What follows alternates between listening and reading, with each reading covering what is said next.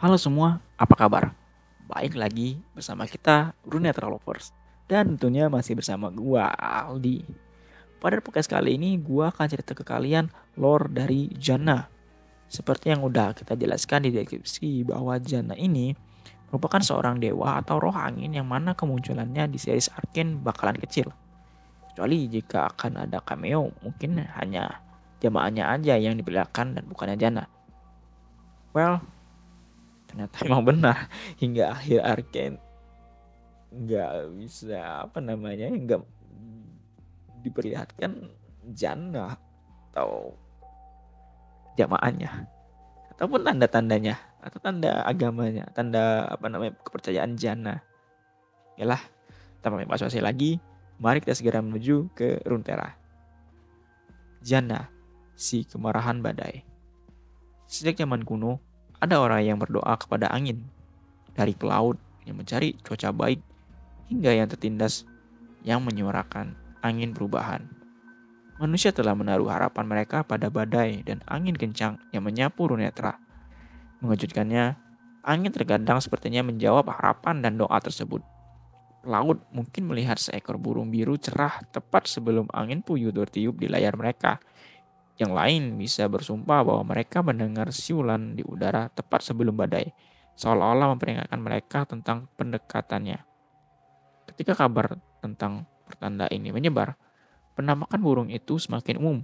Beberapa bahkan bersumpah mereka telah melihat burung itu berubah menjadi seorang wanita dengan telinga yang meruncing dan rambut yang tergerai.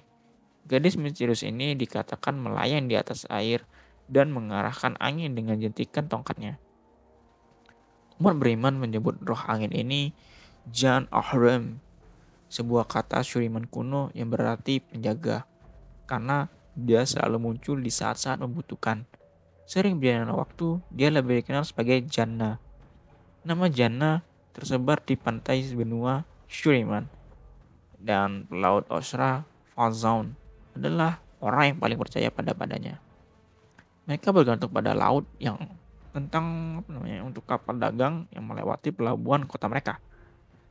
Patung dan tempat pemujaan didirikan sebagai rasa terima kasih atas kebaikan Jana.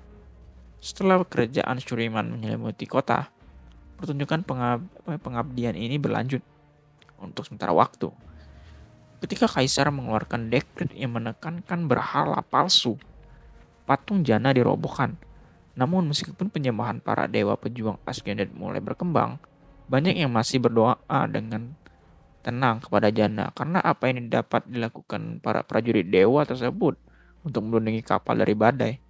Manusia fana ini sering memakai jimat dengan gambar burung biru, token yang lebih kecil dan lebih pribadi untuk menghormati Jana.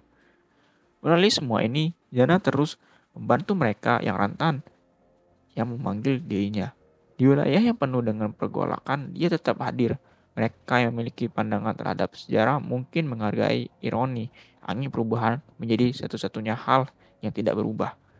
Setelah kekaisaran besar jatuh, tanah yang dulunya hijau menjadi gurun karena Askenet yang tersisa membawa perang dan kekacauan.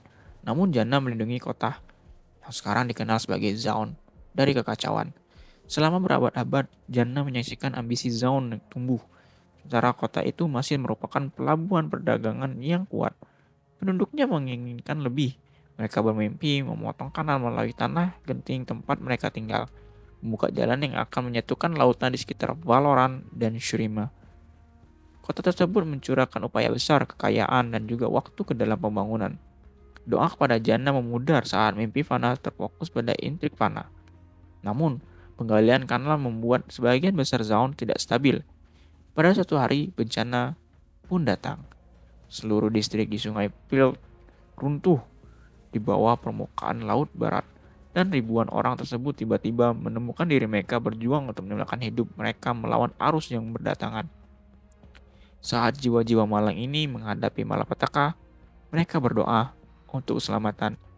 Mereka memanggil nama peninggung kuno mereka, Jana.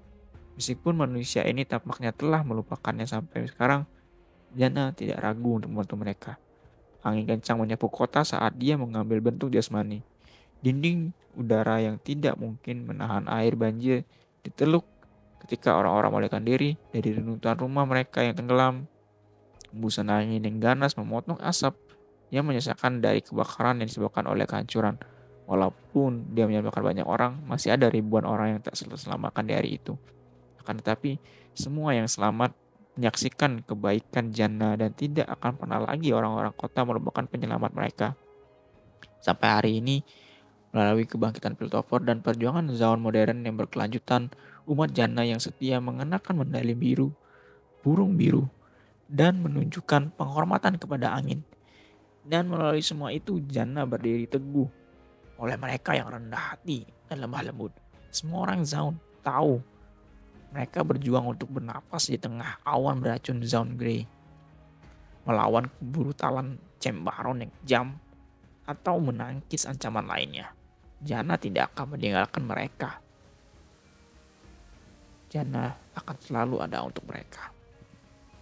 Ya, itu tadi lore dari si Jana. Cerita menarik menurut gua ya. Tapi ya tadi selama gua menonton Arkane belum melihat tanda-tanda akan adanya jana ataupun jamaah jana ataupun token biru yang dimaksudkan. Mungkin akan di season 2 akan ada penjelasannya mungkin. Atau mungkin selama ini ada di X1 eh maksudnya di season 1 tapi kita tidak melihatnya. Dan akan di season 2 akan diperlihatkan saat kita kembali ke season 1 untuk melihat keceknya ternyata memang benar itu ada. Mungkin saja kan who knows? Gue berharap sih demikian apa namanya spill-spill bahwa ada token biru burung yang menandakan bahwa ini jana. Ya siapa tahu. Baiklah sekian dulu cerita dari League of Legends bersama Runeterlover Lover sampai jumpa di cerita lore berikutnya. Stay safe and keep calm. Gua Aldi salam hangat. Bye bye